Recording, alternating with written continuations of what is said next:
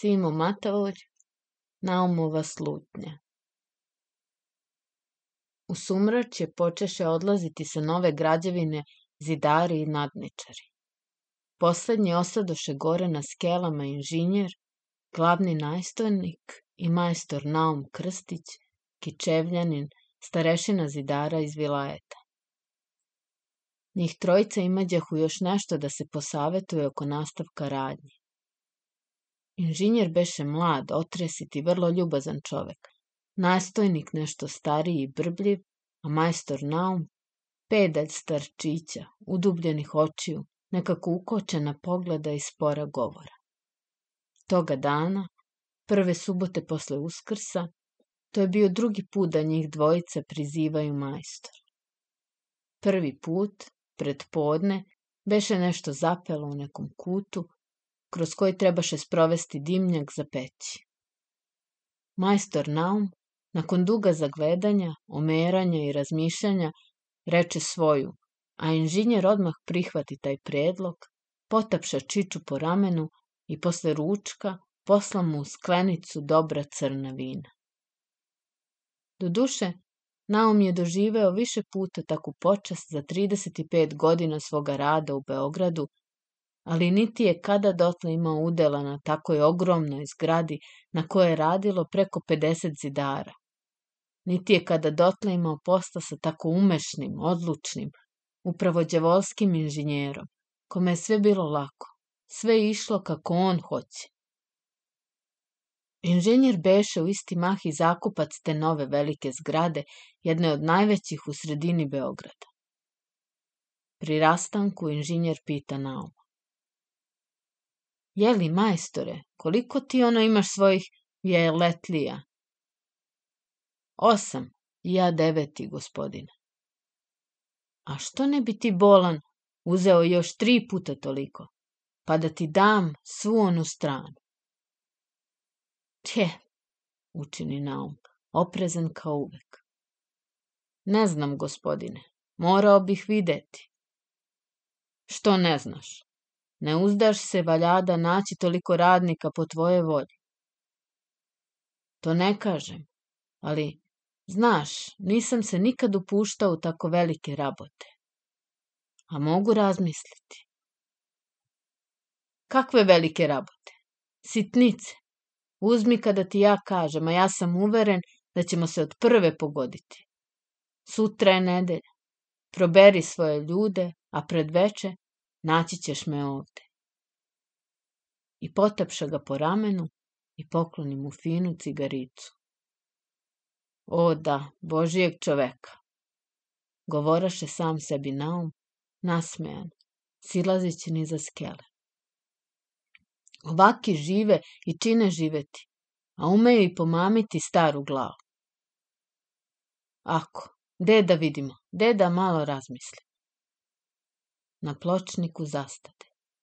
Svet je vrveo ulicom, kao ono subotom u to doba. Krnjeci uličnih razgovora strujahu mimo nje kao prazno zujanje. Ali dvojica stadoše iza tarabe i jedan reče. Vide li ti ovo čudo ako Boga znaš? Temelj je ovoj ogromnoj zgradi udaren prve nedelje posta, a evo, u oči tomine nedelje dovršiše prvi boj. Ne pamtim da se u Beogradu ovako brzo radilo. Ni ja, sinak, reče glasno stari naum.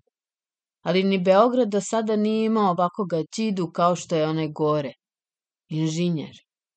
I pedalj majstora u platnenim pantalonama i platnenom kaputiću sa slamnim šeširom ogromna oboda, sastavivši ruke na krsta, uputi se lagano, kao da broji korake, udubljen u mislima, ne gledajući nikoga, ne svraćajući pažnju ni na što. Ali nakon nekoliko desetina koraka naum najpre oseti kao neku iznemoglost u celoj snazi, pa mu srce poče jako lupati, a dah mu se prekide. Nije bio plašljivac, ali se malo uplaši. Zastade. Za trenutak prođe sve i on objasni sam sebi od čega dođe nevidovno zlo. Veli, vino suviše beše jako, brige, evo, suviše velike, kao nikada do sad, a povrhu svega proleće je u jeku, što ja svake godine plaćam. I umiren ovim razlozima nastavi svoj put i svoje računanje.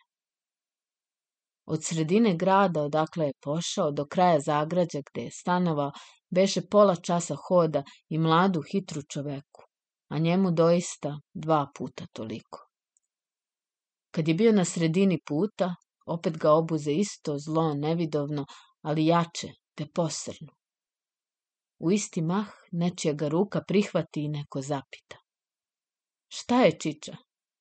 Nije ništa, odgovori hrabri Čičica, pribirajući se. Bog će pomoći. Nepoznati pođe s njim uporedo, držeći ga čvrsto za mišicu. A naumu se činjaše da neka čudna, silna snaga struji iz ruku nepoznatoga čoveka i prelazi u njegovo iznureno telo, te ga čisto podmlađuje. Na svaki korak osjećaše lakši, vedrije pameti, čvršće volje. Poče se otimati govoreći.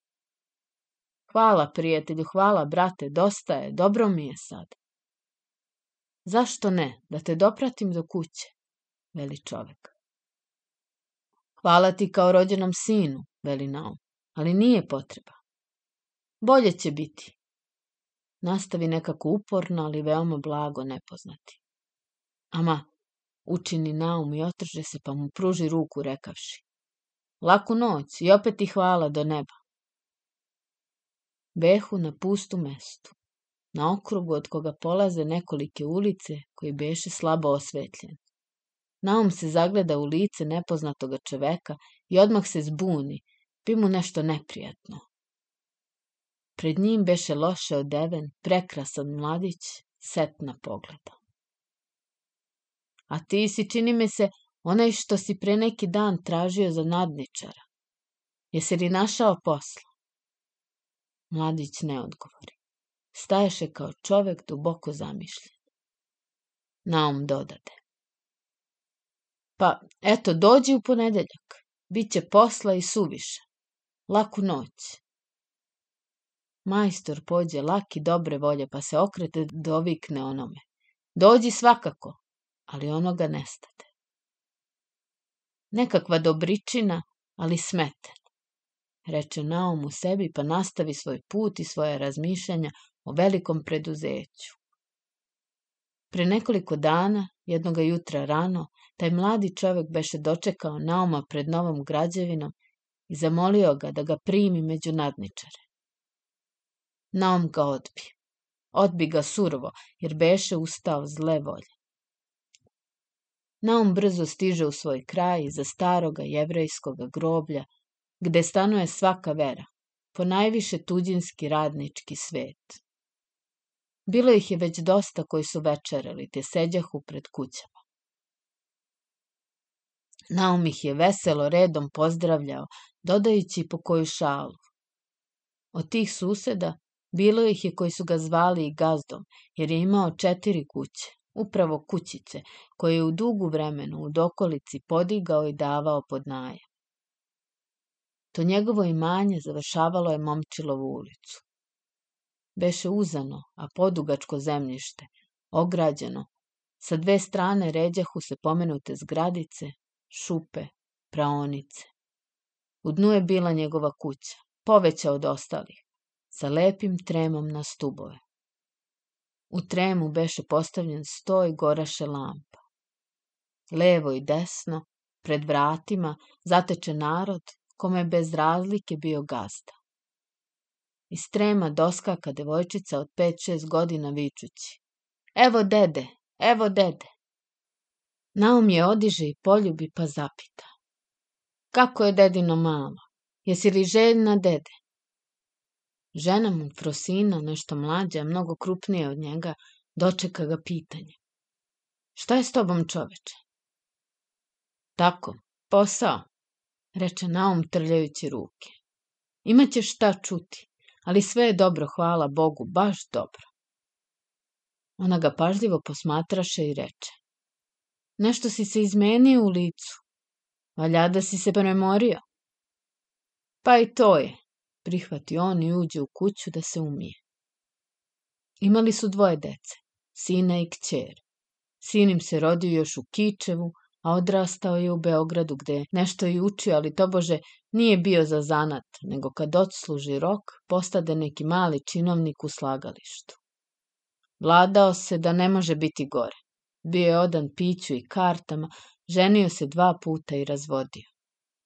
Ocu nije smeo na oči, nego bi svraćao kad bi znao da je mati sama u kući. Kći je bila dobra žena, udata za nekoga kovača sa kojim je lepo živela, ali su bili prepuni dece. Zato stari uzeše k sebi devojčicu. Za večerom Naum ispriča Frosini sve svoje dnevne doživljaje, samo izostavi ona dva nastupa slabosti što ga na putu obuzeše. Ona ga je nudila jelom, kao obično, i sipala mu vino, a on je mnogo manje jeo nego obično, a pio više. Dok je Naum pričao sve što je bilo na građevini i šta će biti sa njegovim velikim preduzećem, Frosina ga je krišom i zabrinuto posmatrala. Njegove duboko upale oči behu zažarene, a lice žuto kao nikada pre. Najzad reče ono. Kako znaš, ali na tvome mestu ja ne bih uzimala toliku brigu i toliki posao. Nisi ti više za to. Šta, nisam ja više za to, viknu majstor namračen i udari pesnicom u sto, tako da mala smilja vrisnu od straha. Šta meni fali, kaži mi, ja se osjećam bolje nego kakav mladić ili hoćeš da rekneš da sam pošašavio? Jedva ga smiri Frosina. Znala je kako je naprasit, ali ne zapamti da ga je videla u takom nastupu besnila. Sutradan Majstor se probudi ranije nego obično praznikom i sede na odru. Beše loman, neispavan, mutne glave, izmučen ružnim snovima. Prosina je uvek ustajala zorom i imala posla bilo u kuhinji, bilo u drugoj sobici gde im beše trpezarija i primaća, bilo u tremu. Ona bi svetačnoga dana spavao dokle sunce ne odskoči. Onda bi obukao svoje svetačko, narodno ruho i otišao na vilajsko zborište na Dorćolu. Tu se na jednom roglju svečaničkom kupi velika gomila zidara, pekara, drvodelja i ostalih zanatlija iz vilajeta. Gotovo u svakom kvartu nalaze se taka njihova zborna mesta, jer njih u Beogradu živi oko četiri tisuće. Ako je ikada majstor Naumu bilo do toga da se nađe na skupu, beše mu toga jutra na Tominu nedelju. Slučajno Frosina uđe u ložnicu i zastade preneražena, videći kakav joj muž izgleda. Ti si naume bolestan, zapita ga. Zlo mi je, potvrdi on. Usta su mi suha, trepere mi žile na grudima, hvata me jeza. A noć kakvu sam proveo da Bog sačuva. Stotinu sam se puta probudio, a čim oči zatvorim, Eto mi pred oči onoga mladića što me je na putu prihvatio. Koga mladića? Prekida ga Frosina. Ko te je na putu prihvatio? Zašto teško meni? Pa čisto iznemogla, pusti se na stolicu. Muž je gledaše nekoliko trenutaka onim njegovim ukočenim pogledom. Toga puta domišljaše se nečemu, pa najposle odmahnu glavom i reče. A da, nisam ti to pričao. Ispriča je sve što znamo, pa dodade. Cele noći ne davaše mi mira taj mladić. Iskrsne svakoga časa i samo me pogleda onim velikim tužnim očima. Počnem trabunjati koješta, pa opet on. I sve tako, opet on. Ama šta hoće najposle od mene? Žena mu reče. Lezi naome i pokri se ili ako hoćeš da te istrljam. Neću, nego mi donesi kafu i duvan. Hoću da se malo zagrejem iznutra i da popušim jednu, pa ću prileći. Ako Bog da, te zaspi malo, ustaću i otići. Rano je još. Prosina mu donese što je tražio. On poče istiha srkati i dimaniti. To je dugo trajalo a kad i to prestade, ostadoše ćutke oboje, on podvijenih nogu na odru gledajući ka prozoru, ona sedeći na stolici. Najposle reče mu žena. De, čoveče, da te istrljam, ta da znaš da ti to uvek dobro čini. Nešto drugo bih te ja molio, reče tihim glasom Naum. Glasom istinskim lećivim, kakvim se obraća u nevolji silnijim od sebe. A što? Zapita žena veoma iznenađena. On je gledaš onim pređašnjim pogledom a razjapljenih usta. Istom pošto Frosina dva puta ponovi pitanje, Naum odgovori. Onaj broj carigradskog glasnika, znaš, u kojem ima ona priča o Hristu. Ona priča kako se Hristos javio u Rusiji, kako se javio onome majstoru Čizmaru bio mu je pomoćnik, a posle se izvidelo da je to bio Hristos, gospod naš. Kako Frosina ćutaše u nedoumici, on dodate. Dobra moja Frosino, jesi li sačuvala te novine? Čini mi se da jesam. Odgovori ona i podni mi se. Baš ti hvala. Eto vidiš, jutro sme želja da još jednom čujem tu priču, pa ću lepo zaspati. Idi nađi, mila moja. Žena izide, ali dugo ostade. Naum je bio nepismen, ali je redovno držao carigradski glasnih, a Frosina je umela čitati. Pored dece beše naučila. Za dugo vremena s mukom je sricala, pa poslednjih godina čitaše prilično. To im je bila jedina zabava više vrste kojom ispunjavahu praznične dane i zimnje večeri. Najposle Prosina unese neki stari broj carigradskog glasnika, sede na pređašnje mesto i započe čitati. Priča beše prosta, pristupačna i dečjoj pameti. Tu se veli. Bio tako majstor obućar, čovek dobar i pobožan i radiša neumoran, ali mu nije išlo dobro. S mukom je mogao hraniti sebe i svoje, ali nije roptao, nego se jednako Bogu molio i radio. Jednoga dana dođe mu u radionicu neki mladić, lep i skroman, prikaze se kao čizmarski radnik i zamoli majstora da ga primi kao pomoćnika. Majstor mu odgovori da on može poslu sam odoleti, tako malo posla ima, a da ne može ni svoje hraniti. Istinu mu je rekao, ali ipak primi mladića u službu. Od toga dana pođe majstoru nabolje, sve nabolje, dokle najposle baš doček lepih dana. Posle je bilo dosta, poružbine navališe. Majstor razume da, da je s mladim pomoćnikom ušao blagoslov Božiji, te ga poštovaše kao oca, a ljubljaše kao sina jedinoga i predobroga. Mladić se ne ponese, niti se inače izmeni, nego beše kao i prvog dana, krotak, radan, redke, ali mudre reči. I tako je sve išlo dok jednoga jutra ne uđe k njima neki besan gazda koji reče majstoru. Da mi sašiješ dobre čizme, najbolje od svih koje si u životu izradio, da mi mogu trajati tri godine.